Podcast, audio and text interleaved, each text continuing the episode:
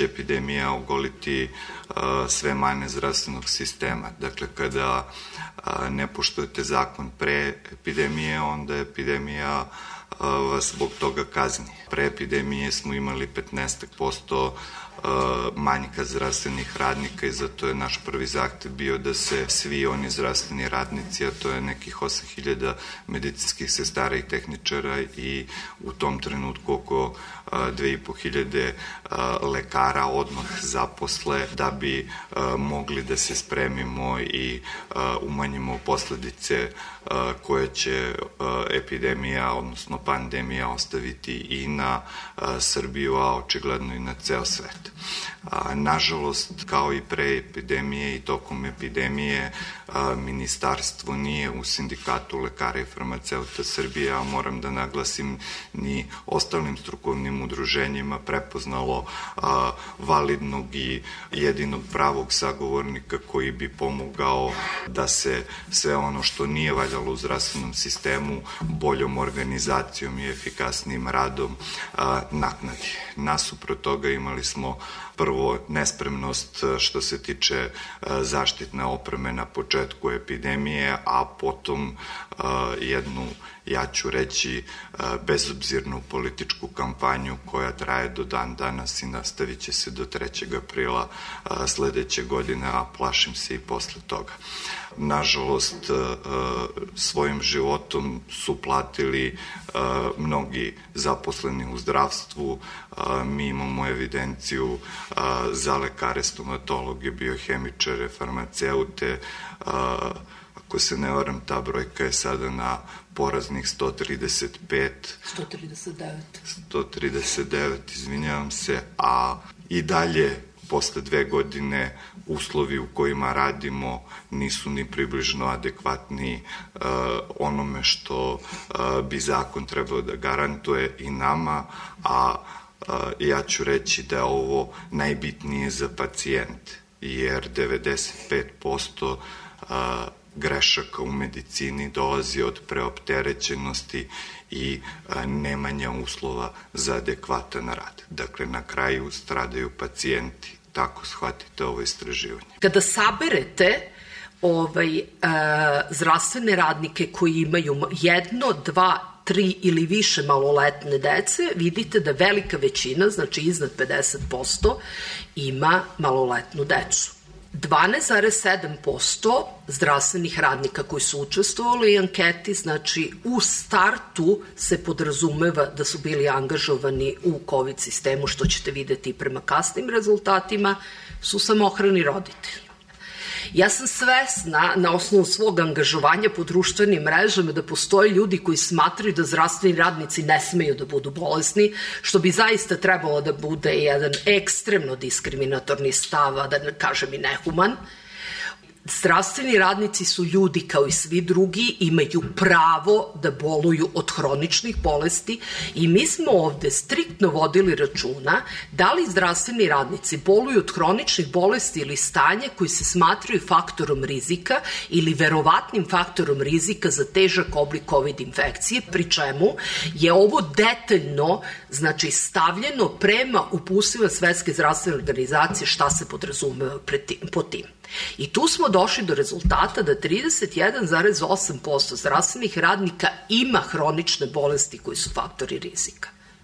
I kada dođemo do pitanja koje bih ja smatrala osnovnim demokratskim principom, ali vi ne morate mene da slušate, da li želite da radite u COVID sistemu? To je jedna onako jednostavna rečenica koju je bilo ko mogao da izgovori.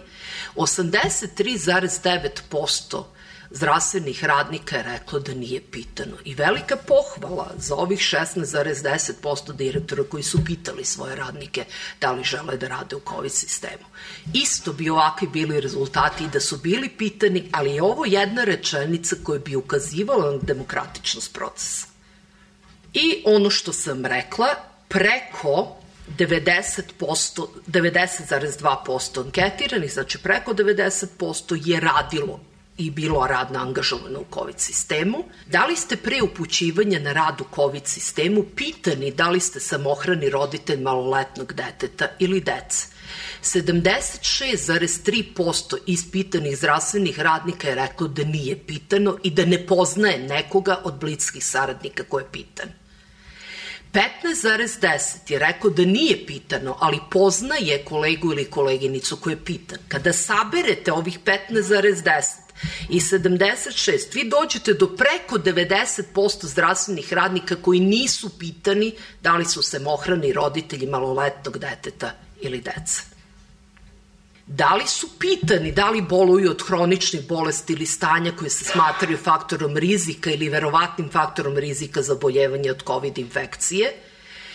70,8% nije pitano i nije poznavalo nikoga ko je pitan.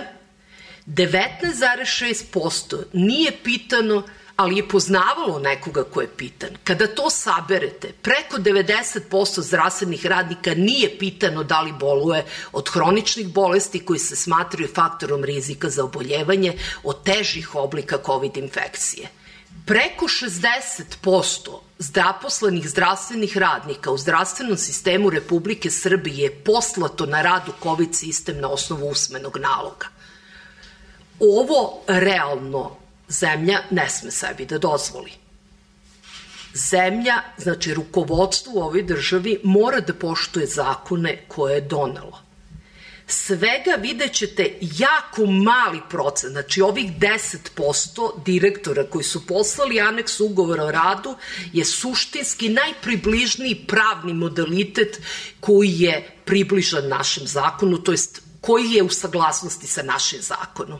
Na pitanje da li vam je eksplicitno rečeno ili napisano na koji vremenski period ste upućeni na rad u COVID sistem, preko 80% ispitanih zdravstvenih radnika je reklo ne, bez ikakve mogućnosti da organizuju svoj privatni život i onu maloletnu decu o kojoj smo pomenuli pre nekoliko slajdova. Kada smo došli do drugog pravnog momenta koji je jako bitan za kršenje ljudskih prava, da li je neko imao mogućnost žalbe na odluku poslodavca o upućivanju na rad u COVID sistemu, preko 82% je reklo ne. 90,3% zdravstvenih radnika je rekao da ne poznaje nekoga ko je odbio da ide u COVID sistem i na svu sreću nije dobio otkaz, što je veoma pohvalno. Međutim, 9,7% ljudi ukoliko je dobilo, je dobilo otkaz. Najveći procenat zdravstvenih radnika je bio upućivan u COVID sistem u okviru svoje ustanove gde je zaposlen, takozvana COVID odeljenja, Međutim, imamo 20, skoro 26, nešto posto zdravstvenih radnika koji su upućivani u druge COVID ustanove. 6,5% zaposlenih zdravstvenih radnika bilo upućivano u druge zdravstvene ustanove van 50 km od mesta svoga stanovanja. I onda jedno ljudsko pravo, a to je obezbeđivanje adekvatnog smeštaja, adekvatne hrane. 50% zaposlenih zdravstvenih radnika je reklo da im uopšte nije bio obezbeđen prevoz, smeštaj i hrana. Da li je na radnom mestu u COVID sistemu bilo dovoljno opreme za bezbedan rad, misli se na zaštitnu odbranu? 60,3% svega je od početka imalo dovoljno zaštitne opreme. 33% je rekao da je ponekad imalo dovoljno zaštitne opreme. I 6,7% posle dve godine epidemije nikada nije imalo dovoljno zaštitne opreme. I onda dolazimo do sistema, ako ste imali zaštitnu opremu? Da li je bilo ograničenja u pogledu upotrebe zaštitne opreme? Što se podrazumeva? Da li ste bili ograničeni na jedan par rukavica, jednu masku za celu smenu, jedan skafander, na primer, za 9 i više sati rada u COVID sistemu? 48,5% e, zaposlenih zdravstvenih radnika je reklo da. Koliko su trajale smene u COVID sistemu? Vi znate, i to znači u punoj zaštitnoj opremi, vi znate da većina, ovaj, većina zemalja ide ka tome da smene budu 4, maksimum 6 sati. Preko 60% zdravstvenih radnika u Republici Srbije je radilo smene u COVID sistemu u punoj zaštitnoj opremi od 8 i više sati.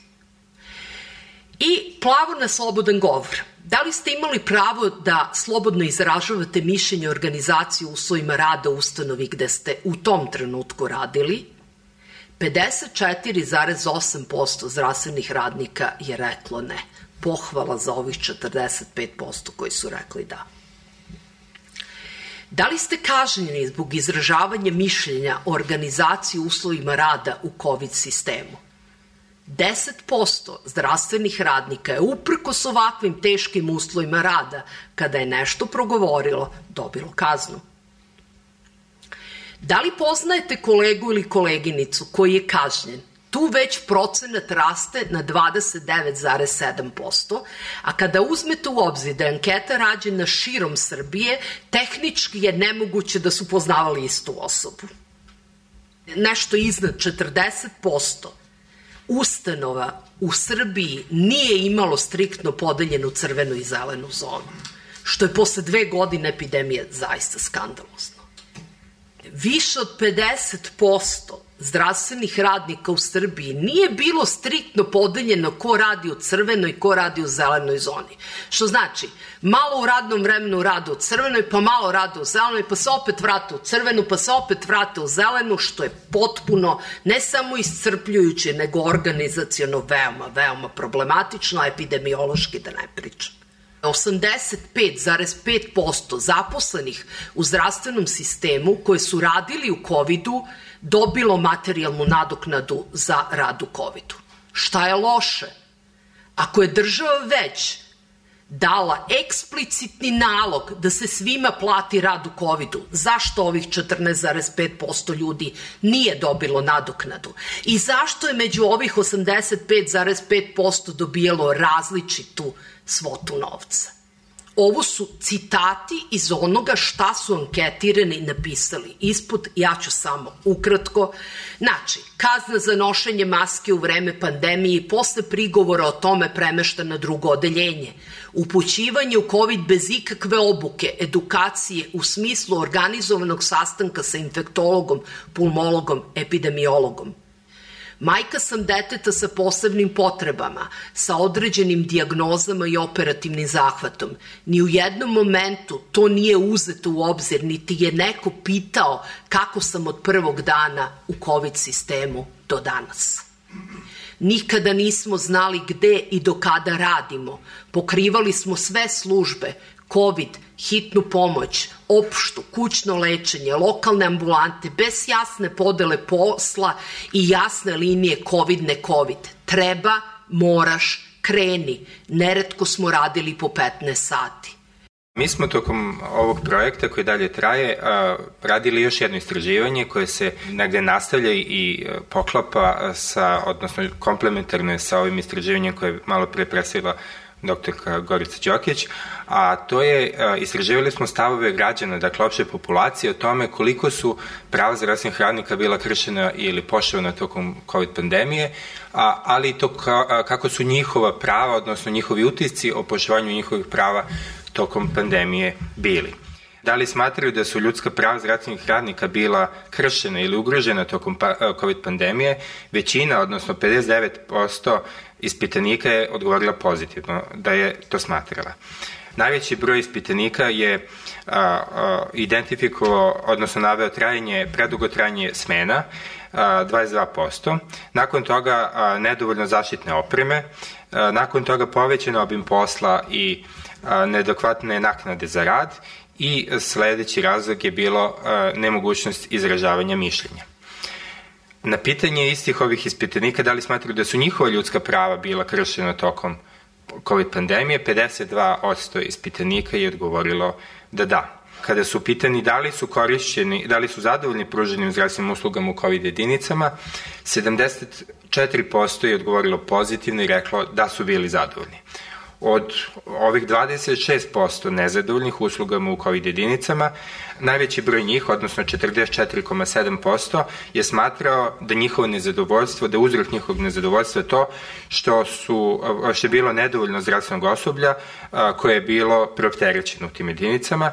Nakon toga 32,3% je smatralo da je postojala neodgovarajuća organizacija rada u tim jedinicama i 22% ispitanika od ovih 26, dakle to je petina od četvrtine, je smatralo da je postojalo neko neadekvatno ponašanje zdravstvenog radnika u COVID jedinici ispitanike građane smo pitali i da li su tokom COVID pandemije njima bile omogućene ili onemogućene usluge zdravstvene zaštite izvan COVID-a.